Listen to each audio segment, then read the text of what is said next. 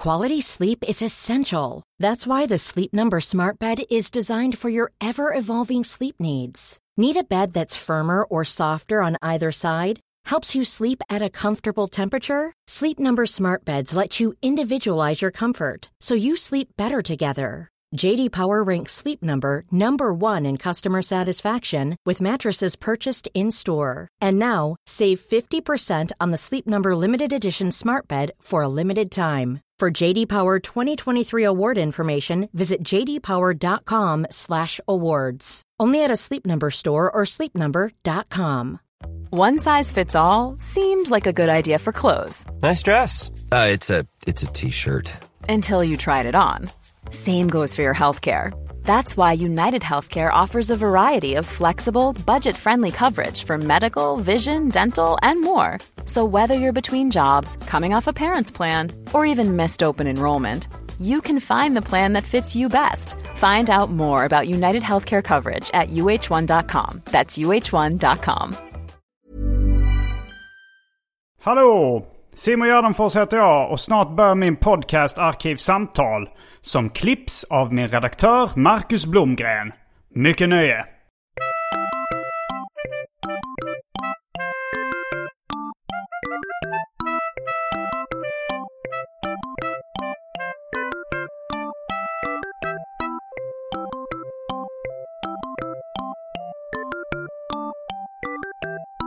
Hej och välkomna till Arkivsamtal. Jag heter Simon Gärdenfors och med mig idag, direkt från Malmö, så har jag Henrik Möller. Tack, tack. Du är då eh, känd som nollbudgetfilmare och eh, lite annat. Vad, eh, hur brukar du presentera dig nu för tiden? Ja, generellt så brukar jag presentera mig som eh, nollbudgetfilmare, för det är väl det jag är någonstans. Men sedan eh, ett år tillbaka nu eh, så är jag ju också författare. Jag släppte en roman här nu häromåret. Mm. Och det är en ny på gång också, som ska släppas detta året, men det är lite hemligt. Så. Eh, Mm.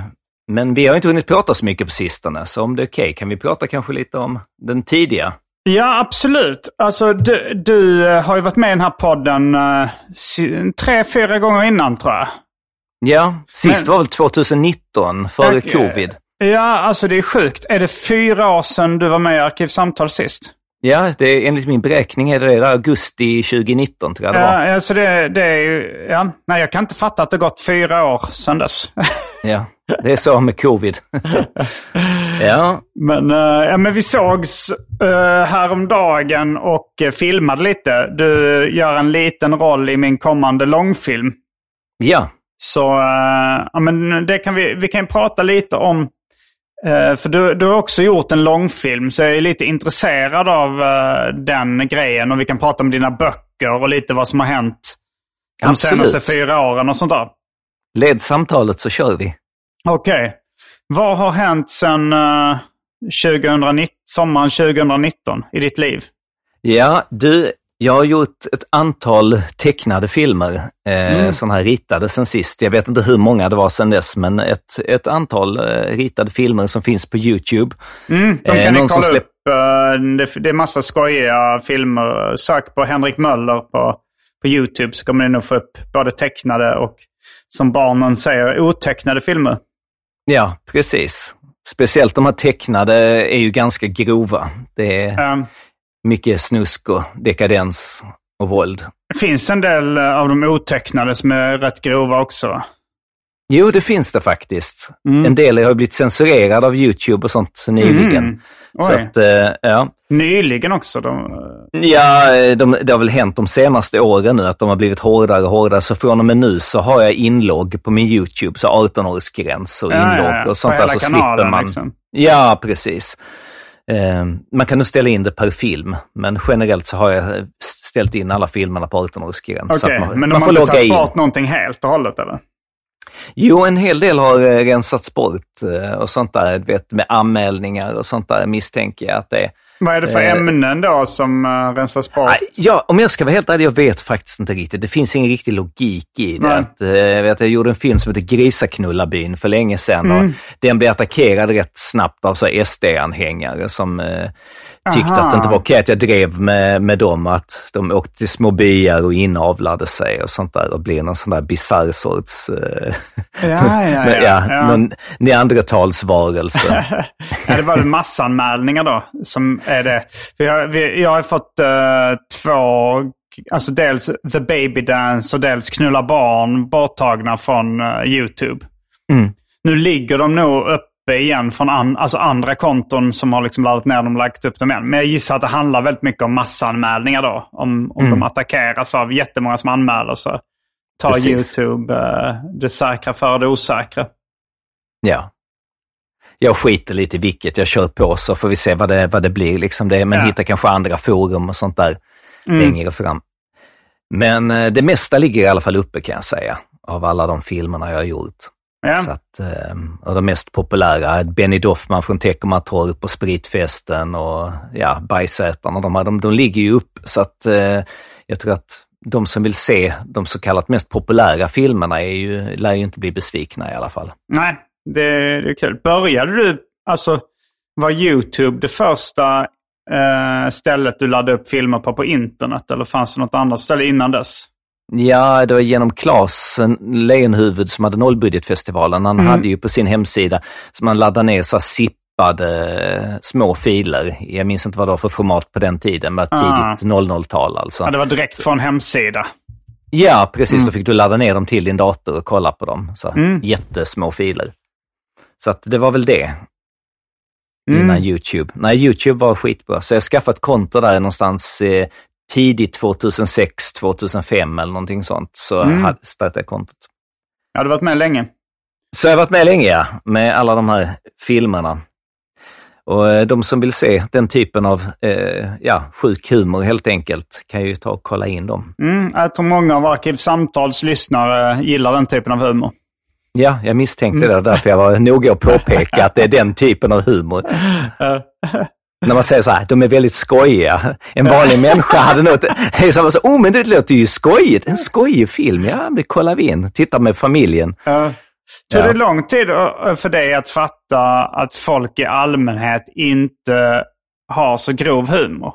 Eh, ja, man umgås ju i en liten krets eh, med folk som har samma humor som en själv och, och så vidare. Så det tog väl lite tid. Att man, man umgås ju inte med folk som inte har den typen av humor. När jag vet, naturligt så dras man till en viss typ av folk. Eh, Så att jag tror att det, det tog nog lite tid. Eh, men folk har ju generellt extremt låg tröskel eh, ute i den stora världen. Att, eh, Ja. Så det, ja mm. Jag tror, jag tror alltså det var när jag släppte boken Nybuskis 2009. För då tyckte jag så här, ja, men jag har gjort uh, humorgrejer förr och de har varit eh, ganska kul. Men jag tänkte det här, det är så jävla roligt. Jag tycker själv det här är så jävla kul. Det här kommer bli en stor succé. Mm. Eh, men det blev, Blev det inte det? Nej. det, var, det, var, det var liksom verkligen acquired taste. Att det var ett fåtal som älskade den. Men det var verkligen också ett fåtal. Mm. Jag gav den till två personer. Den ene eh, var på väg in i ett heroinmissbruk, det visste jag inte då. Liksom. Han tyckte den var skitbra. Ja. Och så var det en annan snubbe som ha, hade kastats ut från ett fönster och eh, alltså försökt begå självmord och knäckt ryggen och hamnat i rullstol. Så jag besökte honom på sjukhuset och då tog jag med en ny buskis som en sån liten present till honom. Ja. Han tyckte den var väldigt bra också. Så det är två personer jag vet som tyckte att den var väldigt bra. Ja, och, De hade en rätt mörk humor. Jo, men de hade också en rätt mörk livsstil. Heroin och Jo, men- självmordsförsök. Ja, så, det var väl lite dit jag ville komma. Lite skämtsamt komma. Du sabbar mitt skämt, men skitsamma. Det är bra. Ja, Mm, men eh, så eh, var 2019 fram tills nu, det är så fyra år som i alla fall lyssnarna inte har kanske så bra koll på vad du har gjort. Ifall man bara då har eh, Arkivsamtal som sin Henrik Möller informationskälla. Mm. ja, lite kort kan jag säga. Då har jag ju, jag släppte tre stycken eh, böcker tillsammans med serietecknaren Lars Krantz. Men det är mer en sorts så här liksom eh, eh, vad ska man säga, nästan science fiction och, och, och, och, bisarr sagostämning. Så det är någonting helt annorlunda. Så de gjorde jag tre stycken hårdinbundna böcker då, där han har tecknat som en sorts bilderbok. Han tecknar en sida och en sida med text, både svenska och engelska. Och sen mm. gjorde jag en, en anime, alltså en, ett hopklipp, så collage av bilderna, du vet övergång mellan olika bilder då. Mm. Zoomningar, panoreringar och med min berättarröst till lite musik och ljudeffekter. Så de filmerna på böckerna turnerade en del eh, filmfestivaler i USA bland annat och mm. Mexiko. Så att eh, de, de har fått lite olika och böckerna finns då alltså dubbelt på svenska och engelska. Halva sidan är svensk text och andra är engelsk. Mm. Så att man kan sälja dem. Men det du, var, inte riktigt... du var inte över eh, på någon filmfestival? Jo, jag var över på vid ett par tillfällen var jag. Jag, mm. var i, jag var i Mexiko och sen var jag i Portland när den visades där och i Providence. Ah, fan vad roligt. Eh, Vilka, Så det var vad kul. var det för filmfestivaler? Eh, ja, det var skräckfilmsfestival. Så okay, de, det, det, var lite mer i den, den genren. Och det var en del så seriefolk som var där som mm. eh, gillade serier. Så de eh, tyckte de var skitbra då, liksom gillar teckningar och Ja, temat. fan vad kul. Ja. Uh, för du, har ju, du, har ju, du vann ju någon filmfestival med din film Lokalvårdaren för länge sedan också i, i Som USA. är den här långfilmen då som du nämnde tidigare. Ja, jag nämnde att du också hade gjort en långfilm, ja. Men det, och det är den, ja. Det är den. Mm. Var det på samma festival du var tillbaka på då, eller var det någon annan? Ja, ja. Där var jag tillbaka eh, vid ett par tillfällen och visade. Jag har varit där tre gånger i, eh, på Lovecraft-festivalen i Portland. En gång innan jag vann och mm. en gång efter. Mm. 2019 tror jag det var då. Så att ja, nej men det, det var kul att man kunde göra en sån här en version av de här filmerna jag gör. Ritade filmer, så panoreringar över bilderna mm. eh, med musik och bild och att folk ändå tyckte att det var kul. Ja, framförallt. Vad är det för typ av festival? Är det liksom... Är det ja, det är, det är en sorts skräckfilmsfestival kalla Men är den liten eller stor? Är man i liksom en biosalong eller är det en jo, bar? Jo, det, det, det är en biograf där de har eh, fy, tre eller fyra olika salonger. Mm. En jättestor mm. som motsvarar väl nästan, eh, jag kan inte jämföra med Stockholm, men Royal i Malmö. En rätt stor biosalong. Mm. Så att, eh, ja, så att det, det, den, den är hyfsat stor, vill jag säga. Ja, fan vad coolt. Så det är jättekul i alla fall. Mm. Men eh, nu på sistone så har jag ju suttit och skrivit en roman mm. som började där precis innan covid. Och blev klar 2022, eller den eh, releasefesten var i februari eh, då. Mm. Så den, eh, den har jag hållit på med ett vad bra som tag hette, nu. Vad hette den? Bödeln, Bödeln i Malmö. Jag har inte hunnit läsa någon av dina liksom, textromaner ännu, men uh, vad handlar Bödeln i Malmö om? Bödeln i Malmö, det är en blandning av en skräckroman och en sån malmöitisk tjuvroman. Det var väl en genre som uppstod i, eh, i Mal malmitisk eh, så här, crime fiction under mm. 70-talet skulle det vara och sen fick den en sorts revival på 80-talet med... Vilka författare och vilka titlar var det liksom var stora på 70-talet? På 70-talet var det ju de här fähundarna och fårskallarna och jag har glömt vad de två heter, killarna som skrev den. Men eh, mm. det kom ju i samband med, även om man räknar Grundbulten som en eh, sorts tjuvroman. Det är, det är väl en sorts tjuvroman skulle man kunna säga. En tidig tjuvroman. Mm. Men eh, min favorit är de här fårskallarna och, och fähundarna. De är riktigt, riktigt, riktigt sunkiga. Jag har gjort ett ja. avsnitt eh, av uh, Udda Ting, min, min egen podd då, eh, om, som handlar om det här med tjuvromaner. Och där läser mm. jag lite ur dem. Och det, den här boken då, den inleds ju med att de tjuvkopplar en bil på Värnhemstorget och så. Sen brände de ut på motorvägen bort från det jävla rövhål som kallades Malmö. alltså det är så första sidan. Det, ja, så ska det man öppna citerat, en. Ja, eh, så ska man... ganska många gånger i dina filmer så ja. är det mycket att Malmö är ett rövhål. Ja. Att, ja. Men liksom det, det, är en, det är en bra öppning, så första sidan. Intressant ja. att nämna är att de är två stycken som skriver den boken och man kan urskilja en, en, ett skifte i stil mellan dem. Den ena är lite mer akademisk och den andra är lite mer sunkig. Så man känner när den ena snubben som har skrivit lite mer. Du kommer inte ihåg vad de hette? Nej, jag kommer inte på den. Jag har den i bokhyllan. Jag skulle kunna springa in och hämta den, men titlarna räcker rätt långt. Det finns liksom ja. inga, eh, om man söker på Fårskallarna och Fähundarna, de två böckerna, så lär det komma mm. upp. Har du sett uh, filmen Lyftet? Nej, det låter bekant. Ja, alltså det är det är någon sån här liksom... Alltså det känns som samma era. Det är, det är 70-tal fast det är, nog, det är nog Stockholm och Göteborg mer än Malmö. Men det är så här, eh, Det var en väldigt bra film. Jag, jag kommer inte ihåg var jag hörde talas om den. Kan ha varit i Della Morta eller någon sån mm. podd. Men eh, den var jävligt bra. Alltså i början, det börjar med någon tjackpundare som då är på plattan liksom. Mm. Och är eh, jävligt tjackig. Och då, då, då, skrattar man mer för att uh, det är kul liksom. Mm. Men sen blir det en ganska stark film och ganska välgjord i allmänhet tycker jag. Mm. Så den kan jag re rekommendera till alla lyssnare så, och, och dig då som yeah. kanske gillar den genren lite. Det lät spännande.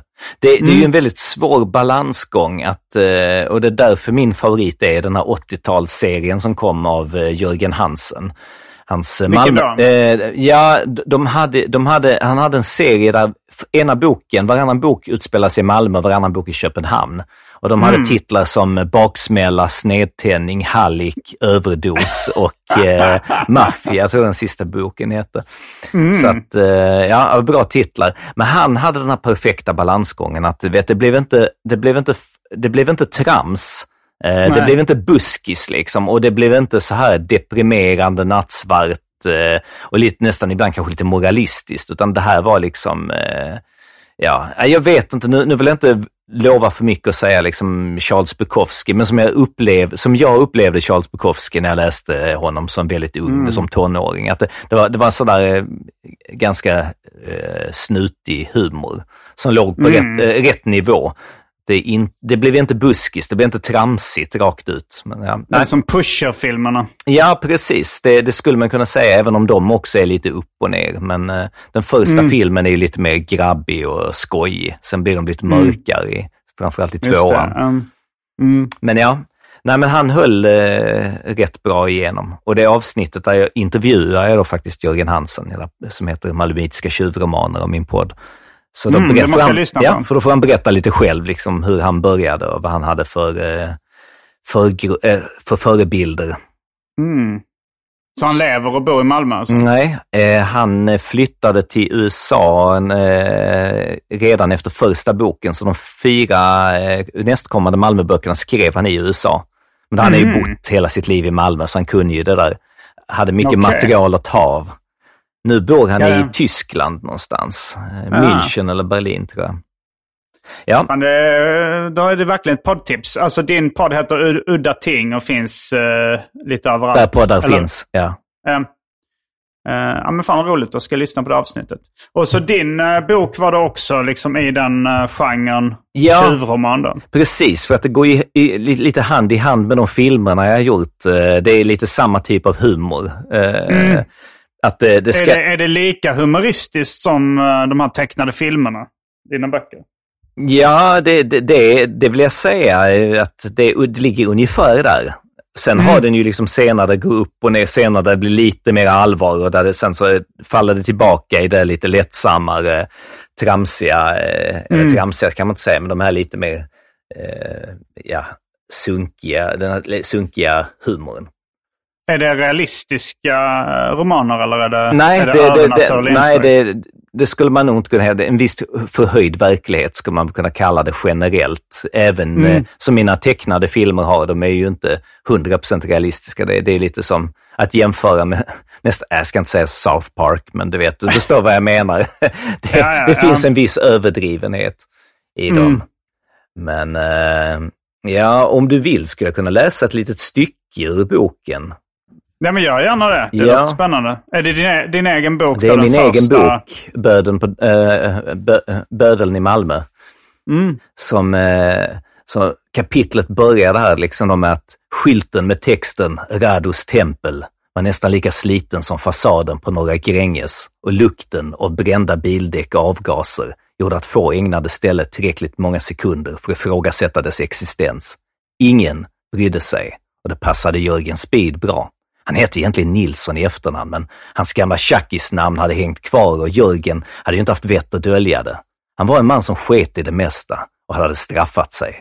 Hårt. In och ut från rättspsyk hade han åkt och hans rykte var så nedsmutsat att Rados tempel var sista chansen till ett betalt arbete. Det hela hade börjat med ett märkligt telefonsamtal där en person vid namn Benny hade frågat om han hade vana som butiksbiträde.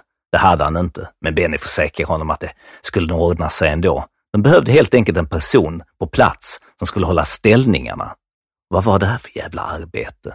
Jo, allt han behövde göra var att veta att det fanns tre gamla gulnade pärmar uppe på hyllan med texten Rado 1, 2 och 3 och att det en dag skulle komma in en person och fråga efter dem. Och han skulle då omedelbart få tillgång till det. Jörgen eh, skulle alltså vara på plats mellan 8 till 5 varje dag och vänta på den här personen. Det var det hela, hade Benny sagt till honom när han överräckte nycklarna till kontoret. Benny själv hade en konstig missbildning där skinnet i hans ansikte hängde så slappt och bildade bildäck under ögonen så långt ner på kinderna. Ja, det var faktiskt så vidrigt att Jörgen helt hade glömt bort att fråga vad som skulle hända när han väl hade överlämnat pärmarna. Skulle han bli av med sitt jobb då? Men ögonblicket hade passerat och nu var det för sent att fråga. Telefonnumret han hade fått eh, om han skulle behöva sjukskriva sig ledde till en, till en telefonsvarare. Det var inte så att han klagade. Nej, nej, herregud. Han mindes efter sin första arbetsdag att han grät som ett barn och höll på att bli, religiö på, bli religiös på kuppen. För första gången i livet mådde han inte dåligt när han skulle stiga upp för att gå till jobbet. Slappt. Det var bara förnamnet. Han kunde okynnessurfa nästan hur mycket han ville och ta långa runkpauser på dass. Ingen chef som gnällde. Ibland så lekte han med tanken att stanna hemma från jobbet utan att sjuka sig. Bara för att se om någon skulle bry sig. Det hela kändes för bra för att vara sant. Och det var det. Han visste inget. Ja, där stannar vi. Mm, ja, men det låter kul. Det låter ganska... Påminner rätt mycket om de här tecknade filmerna som sagt. Jo. Så eh, fans av dem kommer ju gilla, kommer älska boken. Ja, det hoppas jag i alla fall. Den har, jag tror den har sålt slut. De första tusen exen tror jag är slutsålda. Eh, eller det är skitbra. Så det är skitbra. Så Mm. det är, vad heter det, en, eh, en, kanske en andra upptryckning på gång. Men det var utgivet på Vertigo förlag eller? Yes, det är det. Mm.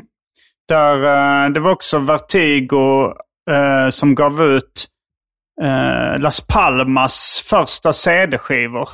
Det är kul ja. Då jobbar ni med Mm. Edenborg eller något sånt, för han berättar Mm. någonting om det, att ni jobbade med honom eller han hjälpte till på något sätt.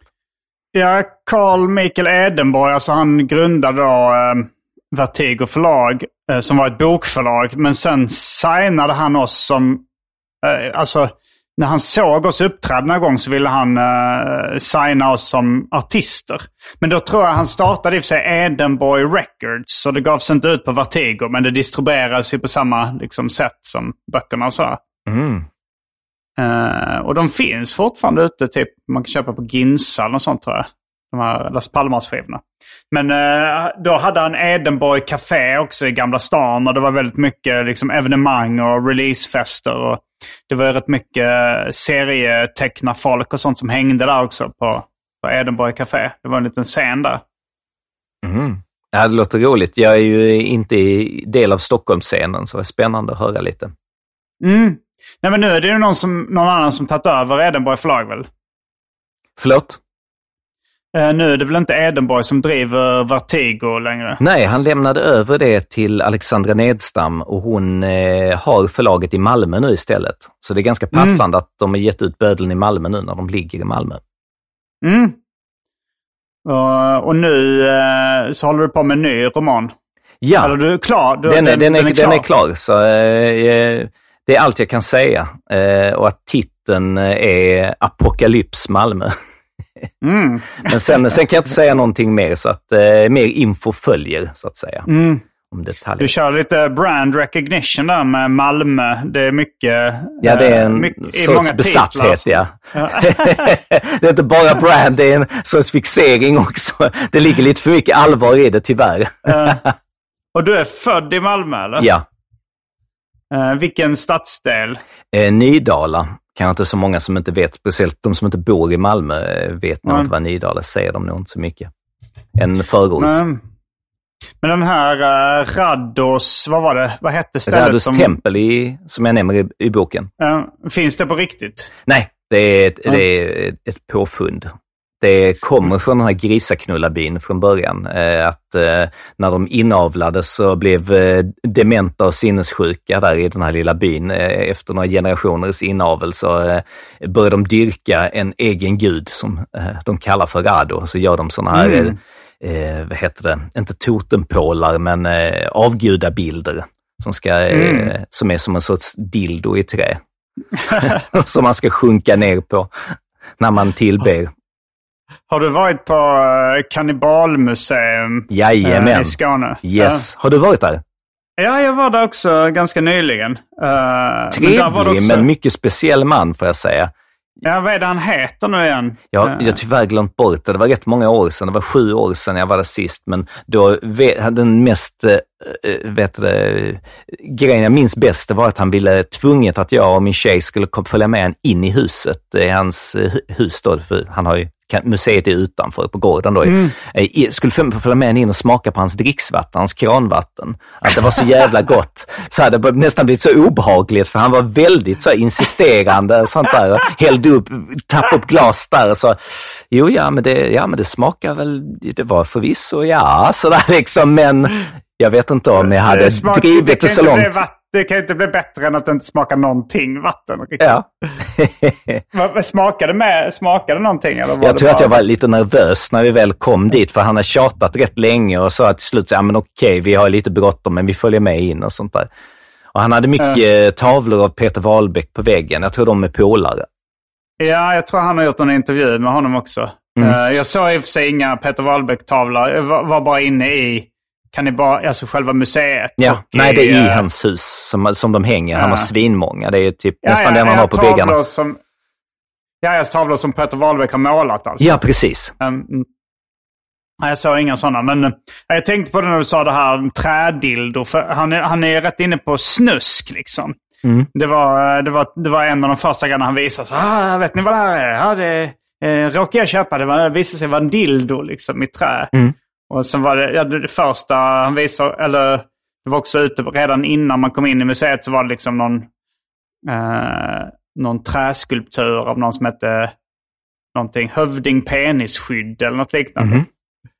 ja, det, var, det var liksom det skulle, det skulle in snusk uh, väldigt mycket i hela liksom, museigrejen. Nej, han verkar vara en kåt jävel liksom. Mycket trevlig. Ja, men han, han hängde en grej om halsen på mig, minns jag. Så berättade han att det var någon sån här hövdingshalsband. Uh, och det var gjort av uh, förhuden av typ så här, typ 30 smågossar, minderåriga barn. Oh.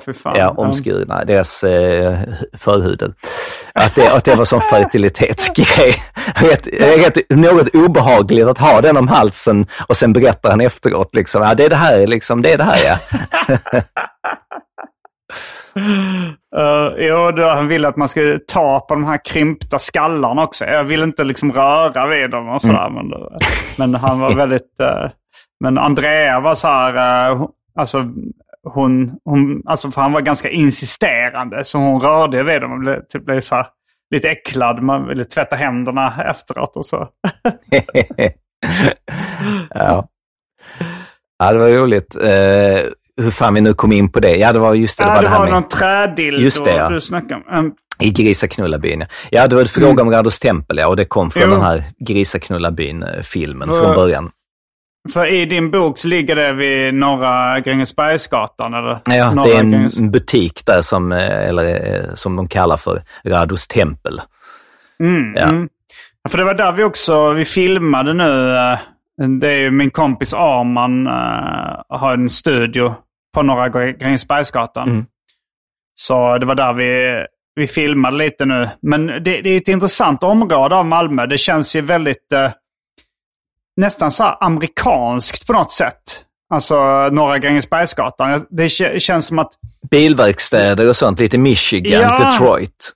Ja, så här, rött tegel, bilverkstäder och det finns väldigt, uh, väldigt få grejer där som liksom avslöjar att man är i Sverige när man går omkring där. Mm.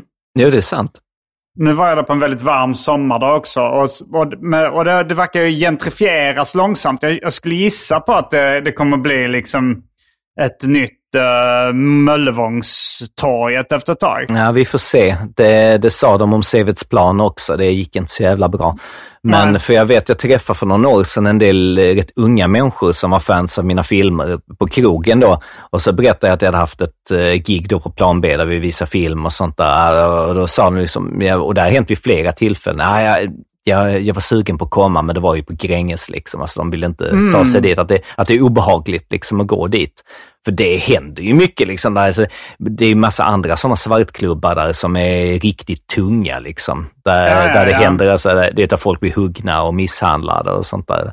Nå, Några som skulle upp på någon sån svartklubb där, där, där, där de kom en kille var springande ut, så bara spring för livet typ. Så, alltså, kom ett helt så skåp slungades ner för trapporna mot dem. Någon som, fick ett raseriutbrott där upp, uppe på ovanvåningen eller någonting. Jo.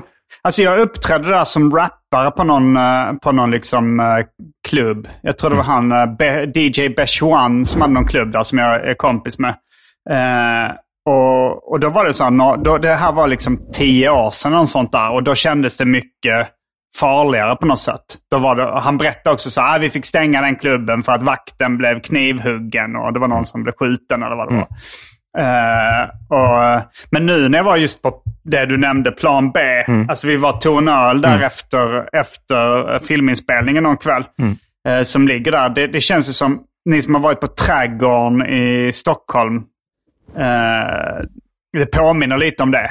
Och det var ju mm. väldigt liksom gentrifierat och hippt på något sätt. De hade någon slags Pride-festival och någon wrestling där inne nu.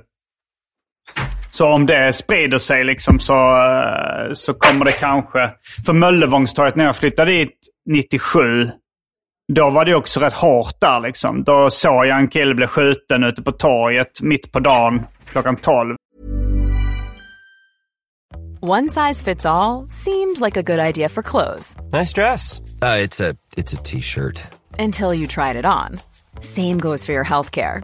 That's why United Healthcare offers a variety of flexible, budget friendly coverage for medical, vision, dental, and more. So, whether you're between jobs, coming off a parent's plan, or even missed open enrollment, you can find the plan that fits you best. Find out more about United Healthcare coverage at uh1.com. That's uh1.com.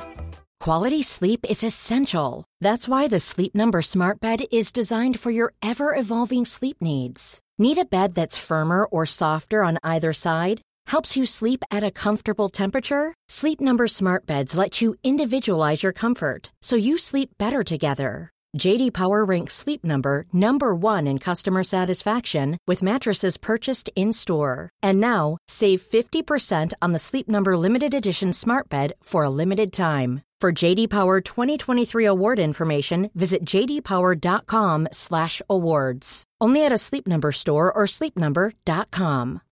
Millions of people have lost weight with personalized plans from Noom, like Evan, who can't stand salads and still lost 50 pounds. Salads, generally, for most people, are the easy button, right? For me, that wasn't an option.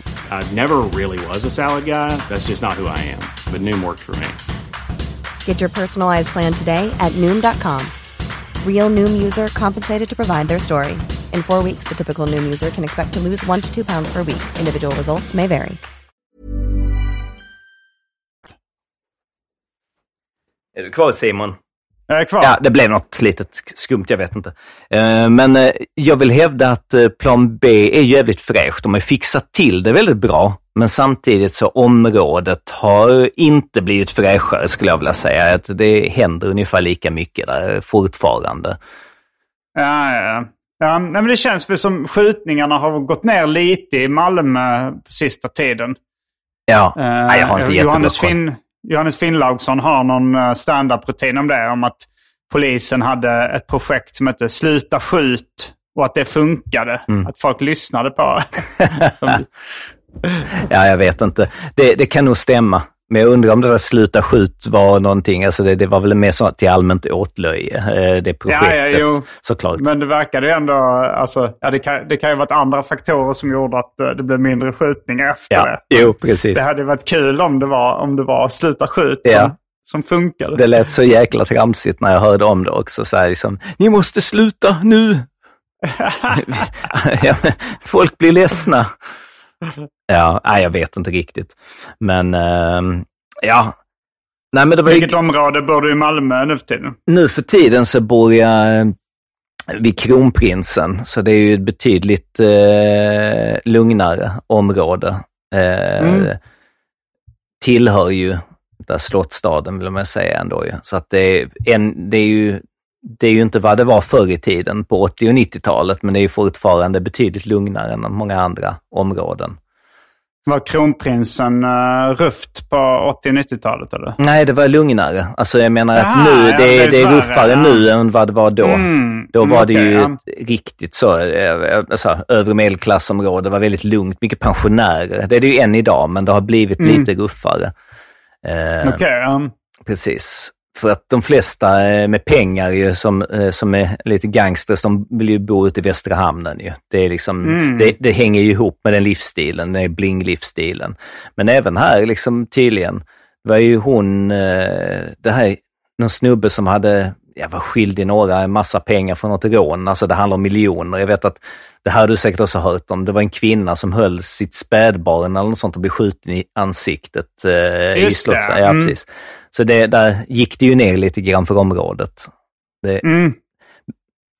visar ju på att det bor en hel del tungt folk i området, som, eh, alltså, som, eh, alltså tungt kriminella människor.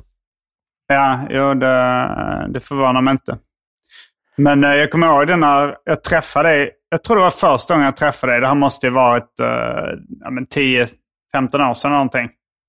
Jag trodde vi hade känt varandra längre än så, men det känns lite. 10-15 år sedan. Ja, när, när, var det, när var det vi sågs första gången? Var det, alltså var det när vi skulle spela in Arkivsamtal eller var det något annat sammanhang? Vi... Kanske var, kanske var det, jag tror det var tidigare, men jag minns att jag jagade ju dig i jättemånga år för jag ville ha de här Ukraina-videorna och sånt där. Jag hade, vi var på samma nollbudgetfestival en gång när du, Kalle Tören, hade gjort en sån här På väg till nollbudgetfilmfestivalen. Just det, ja. Så jag tyckte jo, men var jag kommer kul. ihåg Mm. att jag hörde på eh, Kalles, eh, Kalle Törns telefonsvarare där du hade pratat in och du, Ja. du letade efter dem.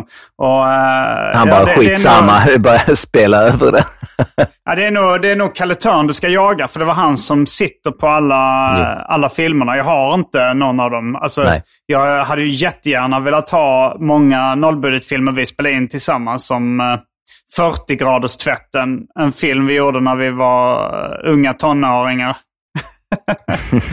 och, eh, ja, vi har gjort mycket. Det är synd att, uh, synd att de... eh, Ja. jag vet inte, de finns väl någonstans i Kalles lägenhet. men- Ja, nej men jag pratade jag- med jag han för inte så många år sedan. Han har dem kvar, sa han, eh, allihopa. Ja. Eh, men just då var jag inte så intresserad av det för att eh, det var Nej. liksom lite för sent. Eh, alltså, Ja. jag, jag ville ju ha dem då på 90-talet. Nu eh, Ja, kan man känna lite- nollbudgetfilmfestivaler. ja, men lite, att, att det är lite daterat och så vidare nu. Liksom. Ni var så unga.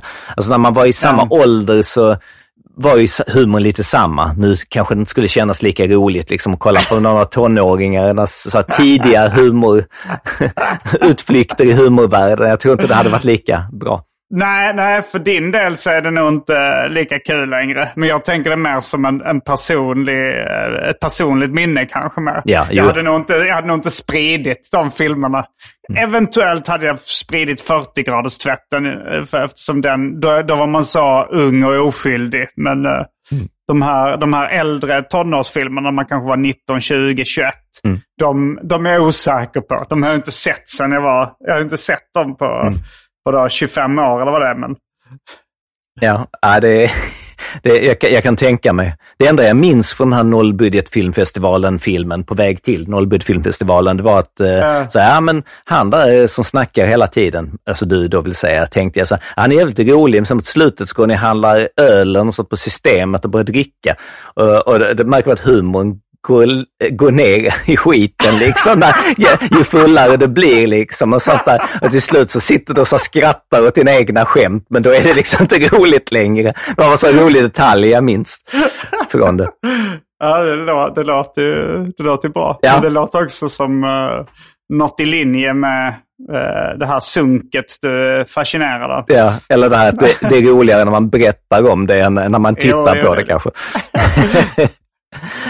ja, jävligt Jo, kul. för du, var det du, eller var det både du och Claes Lejonhufvud då som höll i nollbudgetfilmfestivaler på slutet av 90-talet. Nej, jag hjälpte nog bara till lite grann. Jag kunde aldrig säga att jag höll i det. Det var väl han som Nej. körde allt. Eh, Ja, för det var ju på bio, någon biograf där som låg i samma byggnad som Mejeriet, Södran eller vad den hette. Ja, tillhörde nog mejeriet. De sa så att på mejeriet i Lund stod det alltid på de här affischerna, minns jag. Just det. ja. Eh, och så var det där att man kunde då... eh, alltså jag vet inte var han fick alla filmerna från, ifall folk skickade dem till honom. Eller Jo, han, de skickade.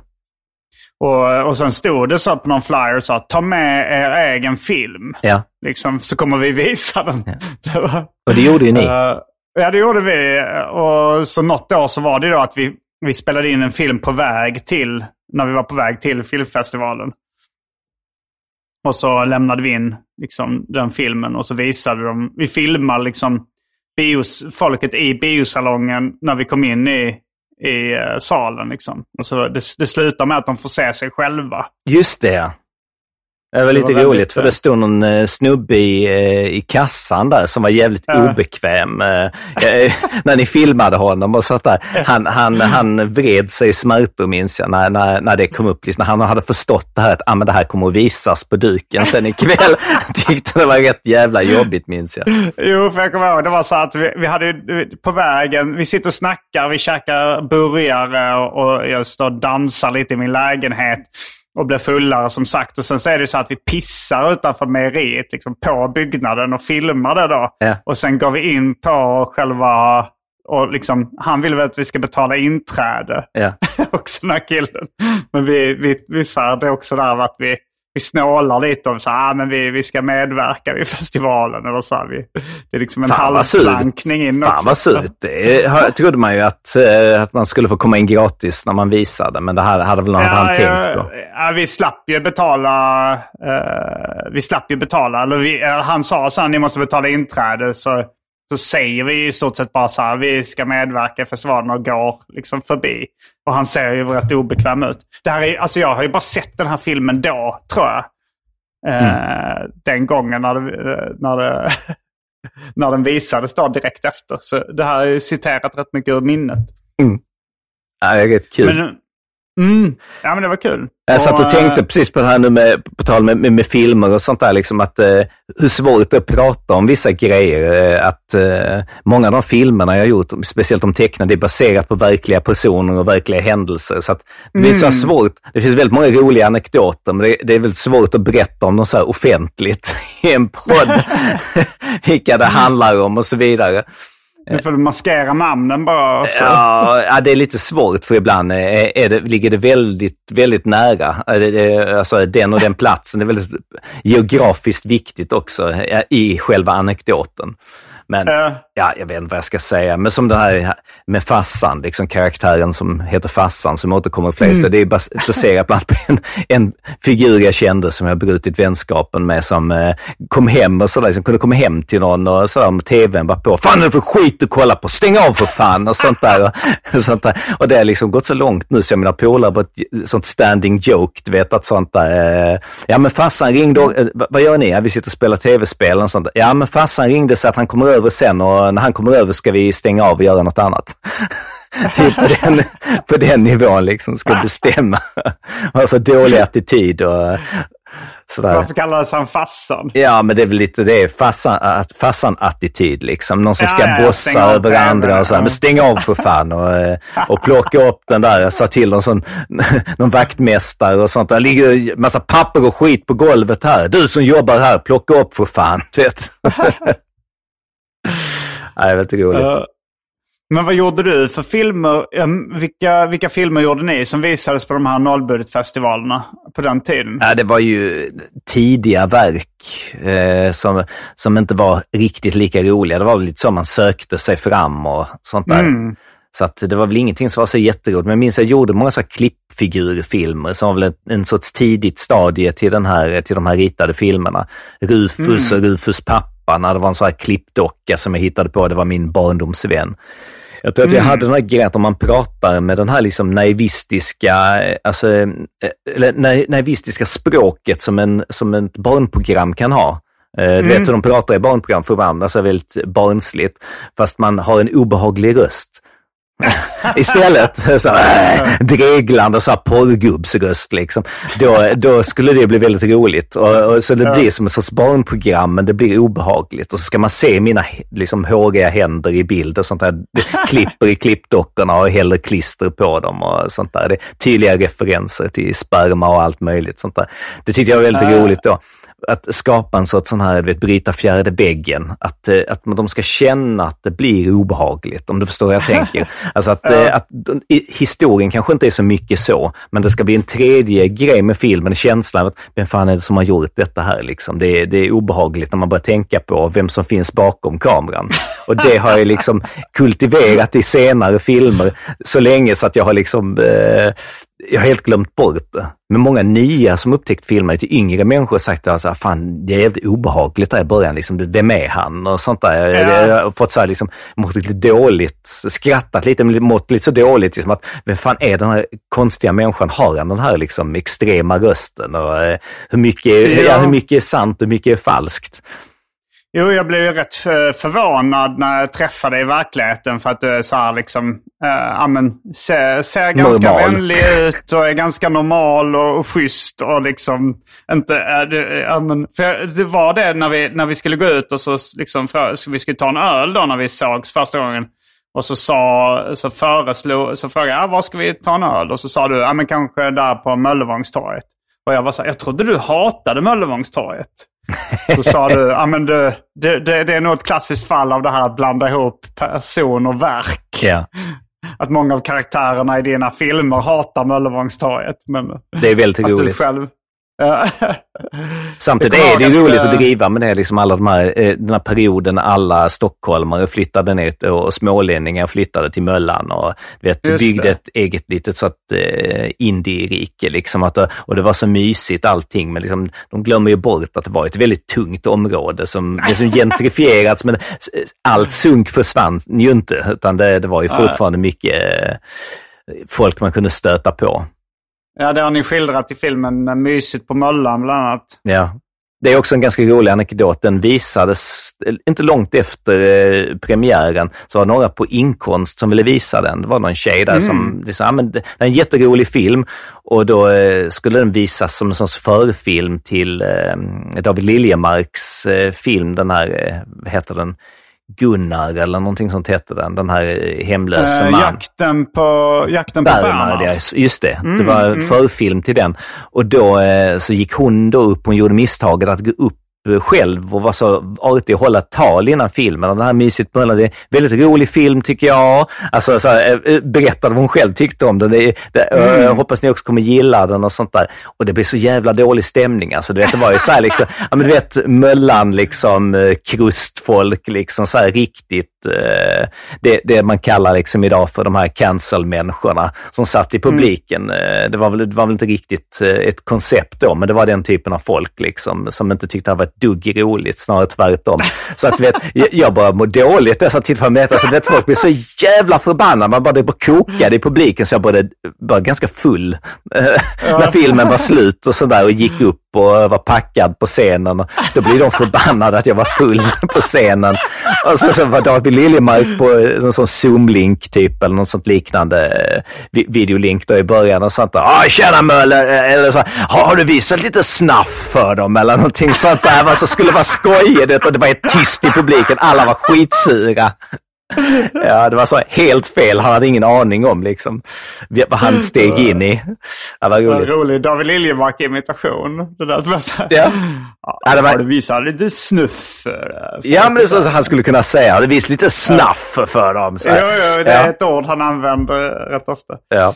Uh, ja, men fan vad kul. Ja, men det, det, det är också sånt, uh, sådana anekdoter som är roliga i efterhand, men som brukar vara rätt plågsamma mm. när man är på plats. Liksom. Mm.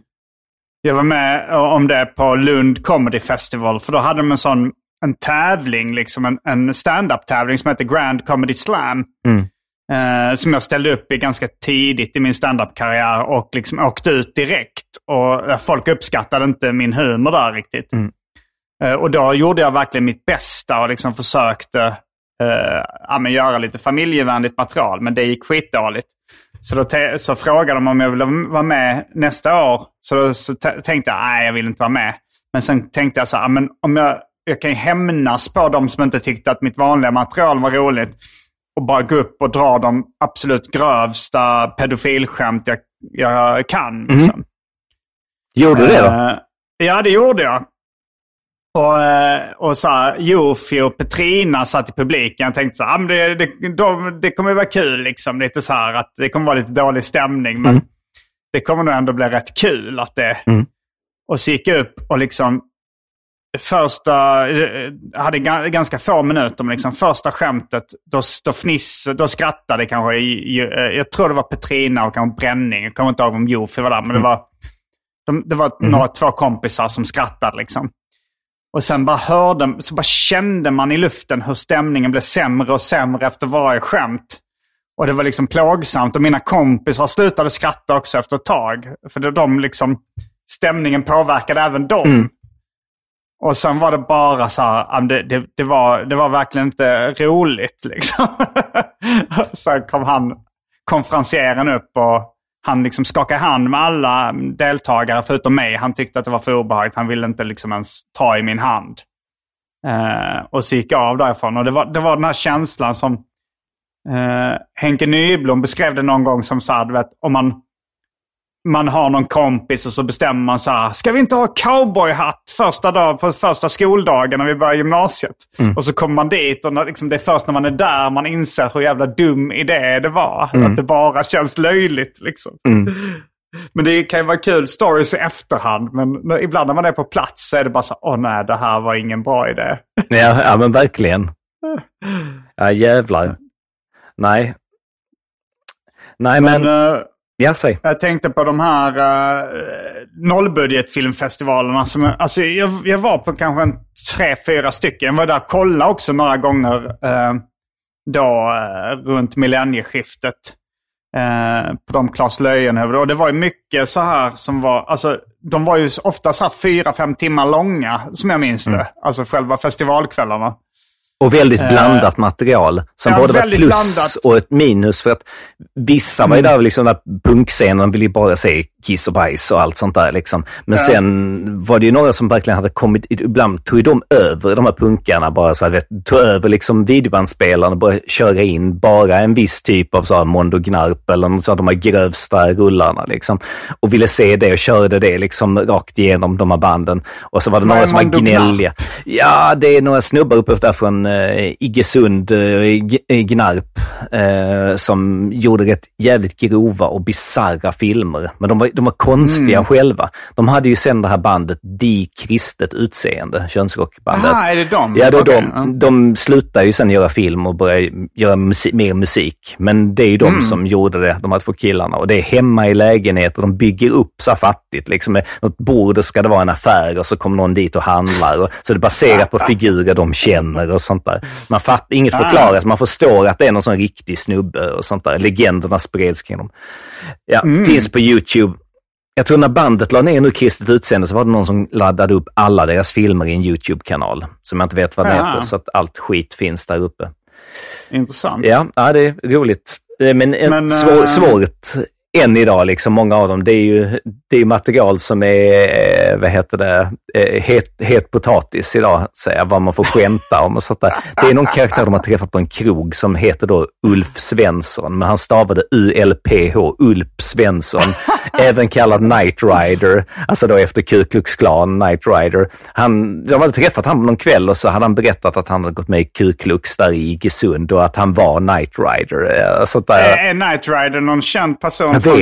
KKK eller? Ja, men alltså nattryttare, man tänker att det är något sånt. Kanske någonting från eh, Birth of a Nation eller något sånt. Jag, jag vet inte riktigt, men det, det låter ju som att det är nattryttaren. Liksom. Det är ju inte den här med bilen, ju. det är inte den 80-talsserien.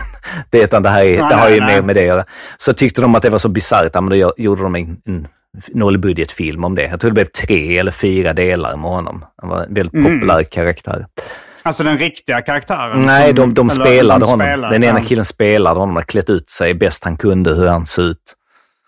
Han dyk... Var, eh, var typ Josef Fares, gjorde han några filmer som var med på Nollbudgetfestivalen? Ja, det, han, han och Claes kände varandra lite grann så att han körde ju några av de filmerna. Och det var ju en helt annan stämning än de här eh, smutsiga eh, klipp i kameran punkfilmerna. Ja, för jag kommer ihåg det när, när sen Jalla Jalla kom på bio. Och så mm. sa jag, men det här måste vara samma snubbe som gjorde de här nollbudgetfilmerna. Mm. Det var lite så action uh, komedi kortfilmer. Ja, precis. Liksom. Robert, Robert Rodriguez-inspirerad. Det är han som gjorde ja. Desperado. De, väldigt inspirerat av hans så här, kamerastil och sånt där. Och humor. Mm. Uh, och sen kommer jag ihåg, det var något gäng som hette Biceps Productions. Ja, det minns jag inte. Nej, uh, de gjorde rätt roliga filmer. Och sen var det någon, uh, minns du den här, det var en talkshow-parodi som hette Mellan bena. Nej, nej, den har jag missat.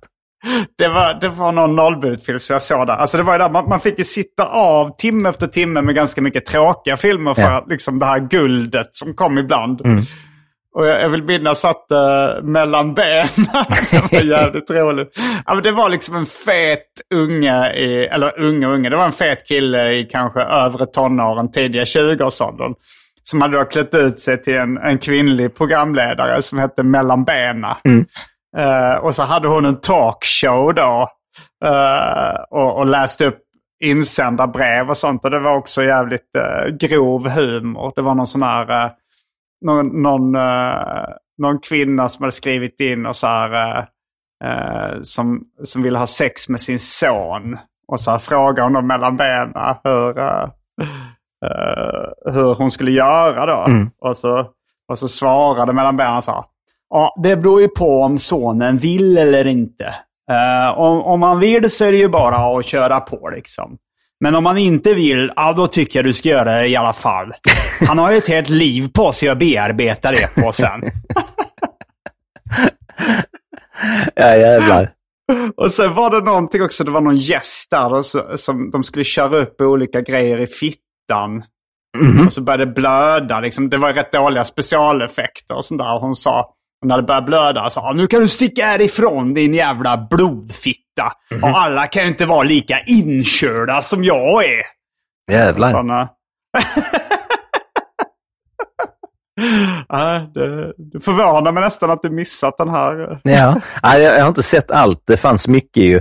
Jag vet att det var någon film eh, som eh, där upphovsmännen försökte eh, stoppa den därför de hade ångrat sig. Det var, och, men det var en, en, en, en, person som ska få bli onämnd som eh, gjorde en, en, en piratkopia av den här då och visade den i alla fall på Nollbudgetfestivalen då, så underground. Okay, oh. Ja, men det var något sånt stalinistförbund, Studentikosa, eller, mm. eller ja, det var ett gäng studenter som var stalinister liksom som hade gjort en skitsunkig komedi om att Hitler hade överlevt eh, andra världskriget och flytt till den skånska ostkusten. Liksom. De pratar skånska mm. i filmen, så inspelar han någonstans och då kommer han där liksom ett luftgevär. Uh, filmen heter Flyktingen. De säger inte att det är Hitler, men man ser att det är han. Liksom. Uh, uh, ja, någon gång i slutet av 1945 anländer en, en trött och medfaren flykting till den skånska ost, ostkusten. Jag tror jag har sett den här faktiskt. Ja, och han har med sig, det luftgeväret har han en väska med guld i liksom, och så kommer han till ett pensionat som drivs som en av en judisk eh, herre och de har ju såklart gjort en sån här jättelång näsa på honom. Båda två har ju, för man ska, man ska vara riktigt tydligt, så har han en, en, en Davidsstjärna på armbindeln och Hitler har ett hakkors så att inget ska missförstås. Och de har liksom byggt upp det här, liksom förberett med rekvisit och sånt väldigt väl. Det är ändå förvånansvärt välgjort och så här. Men sen så mm. har de liksom bara supit ner sig när de börjar filma så de är så redlöst berusade som bara skriker och trillar på varandra. Och så man märker att det där är inte clown, de är, de är packade. Och så här liksom, den judiska innehavaren ska försöka stjäla guldet i hans väska och han har en sån här gummikniv han ska hugga honom med. Och, så, och det, det, är så unket och till slut är de så fulla så det är bara någon som bara stuper rakt ner i marken och så är det ett klipp och sen är den slut liksom. För att den blir aldrig färdig, de är för fulla. Den, den var ju en film som var så här, jag har försökt visa, jag har kört den liksom på efterfester hos mig när jag bodde på Möllan där tidigare. Mm. Det var, blev så här jobbig stämning. Men äh, envist liksom visat den, för den, den är så extrem på alla sätt och vis. Så I dålig smak och dåligt hantverk och dålig humor liksom. Allting är så fel. Man förstår att, det, att de har försökt att det ska vara roligt, men det är inte roligt. Men på något sätt för mig blir det roligt för att det... Ja, det är roligt att prata om det i alla Ja, fall. jo, om inte annat. Men eh, jag, jag blir sugen på att kolla på den. Ja. Hallå! Simon Gärdenfors här. Jag tänkte berätta lite om var ni kan se mig köra stand-up framöver.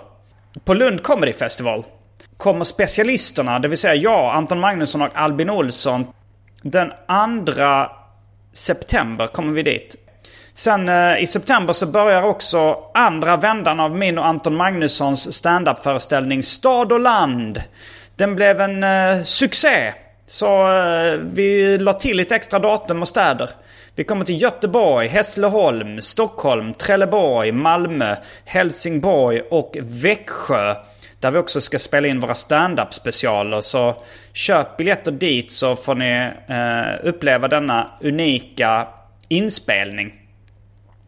Så gå in på gardenfors.com och klicka på kalender där så hittar ni alla gig som uh, finns tillgängliga. Passa på nu, biljetterna kan ta slut.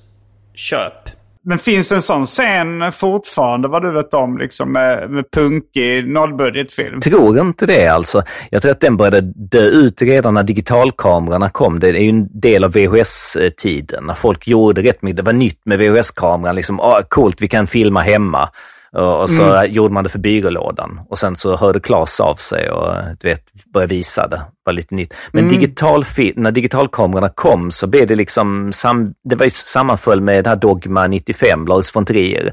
Eh, grejen, att då blir det som att ah, men nu är det så bra kvalitet så man kan hypotetiskt visa detta på bio med digitalfilm. De här PD150-kamerorna.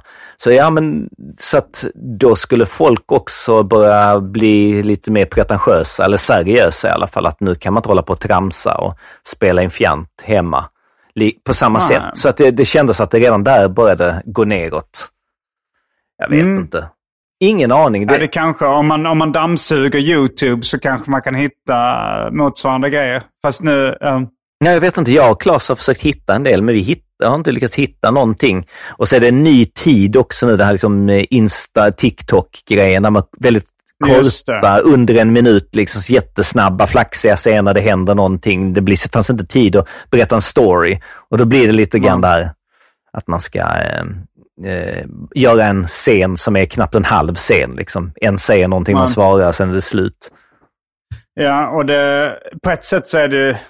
Man, man slipper de här långtråkiga grejerna, men, men det är också något annat som går förlorat. Ja, mycket läggs tid på så här, vet, billiga, så här, lätta specialeffekter som finns tillgängliga nu. De här liksom explosioner och grejer de slänger in och sånt där.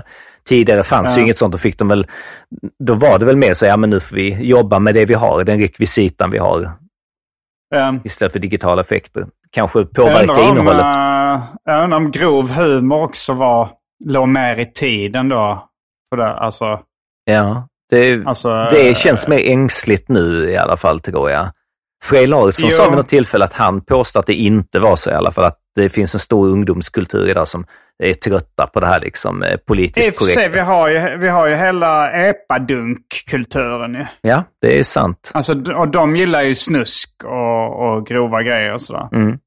Det är någonting, men det är också väldigt begränsat eh, inom eh, ett område. Det är lite det som jag eh, Mm. hade som tes när, vad heter den, eh, eh, Friends, tv-serien kom. Att eh, redan Mm. där med reklamfilm och sånt vi pratade om, att där blev det, där stod det så mycket på spel. Så att eh, man fick inte offenda någon. Nu gjorde de ju det i Nej. efterhand, men då var det så att det var bara kopplat till sex. Liksom. Det var det enda man kunde skämta om. Som, det var ändå säkert, liksom, att det ska vara lite, lite pinsamt och sånt där. Pinsamma situationer kopplade till sex. Det blir ganska tjatigt i längden. Mm. Ska vi eh, ta en paus här och, och fortsätta i den Patreon-exklusiva världen? kan vi göra. Eh, Då tackar vi er eh, lyssnare som eh, har lyssnat på det ordinarie avsnittet. Ni får gärna hänga med och lyssna på lite, hemliga, lite hemligare material i den Patreon-exklusiva delen. Jag heter Simon Gärdenfors. Och jag heter Henrik Möller. Vänta, vänta. En, en grej till. Vi, som eh, jag tror att vissa lyssnare blir besvikna om inte det är med. Nu har det blivit dags för det omåttligt populära inslaget Välj drycken.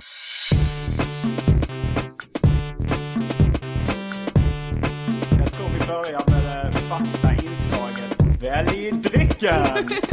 Och eh, vi kan ju mest gå igenom vad vi vill ha själva. För att, eftersom vi inte befinner oss på samma ort. Nej, Vad kommer du välja? eh, jag hade gärna velat ha en gin och tonic, men just nu så sitter jag och dricker te, så jag får väl eh, nöja mig med det. Okej, du väljer te. Då väljer jag Fanta Zero. Då går jag hem. Stäng inte av inspelningen för då förlorar vi synken. Yes. Men jag, jag går och hämtar lite Fanta bara. Ja. Då är vi strax tillbaks med dryckerna kända från det omåttligt populära inslaget Välj drycken. Mm. Häng med!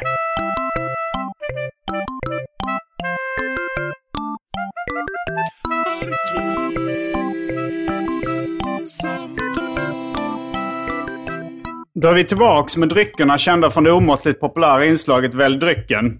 Ja, Varje vecka så släpper jag ett bonusavsnitt av den här podden exklusivt för er som donerar en valfri summa per avsnitt på patreon.com arkivsamtal. Patreon.com arkivsamtal alltså. Det finns redan över 40 exklusiva avsnitt som du får tillgång till. Så det är mycket kul för valfri slant. Vill du bara vara schysst och säga tack för åratal av underhållning så kan du även swisha en slant på 0760 72 47 28. All denna info finns även i avsnittsbeskrivningen. Och glöm inte att följa mig på Instagram och andra sociala medier. Där bjuds det på gratis skämt och mycket annat. Och eh, det är inte mycket kvar att, att säga. Eh, förutom eh, tack för att du medverkade i detta ordinarie avsnitt. Jag heter Simon Gärdenfors. jag heter Henrik Möller. Fullbordat samtal.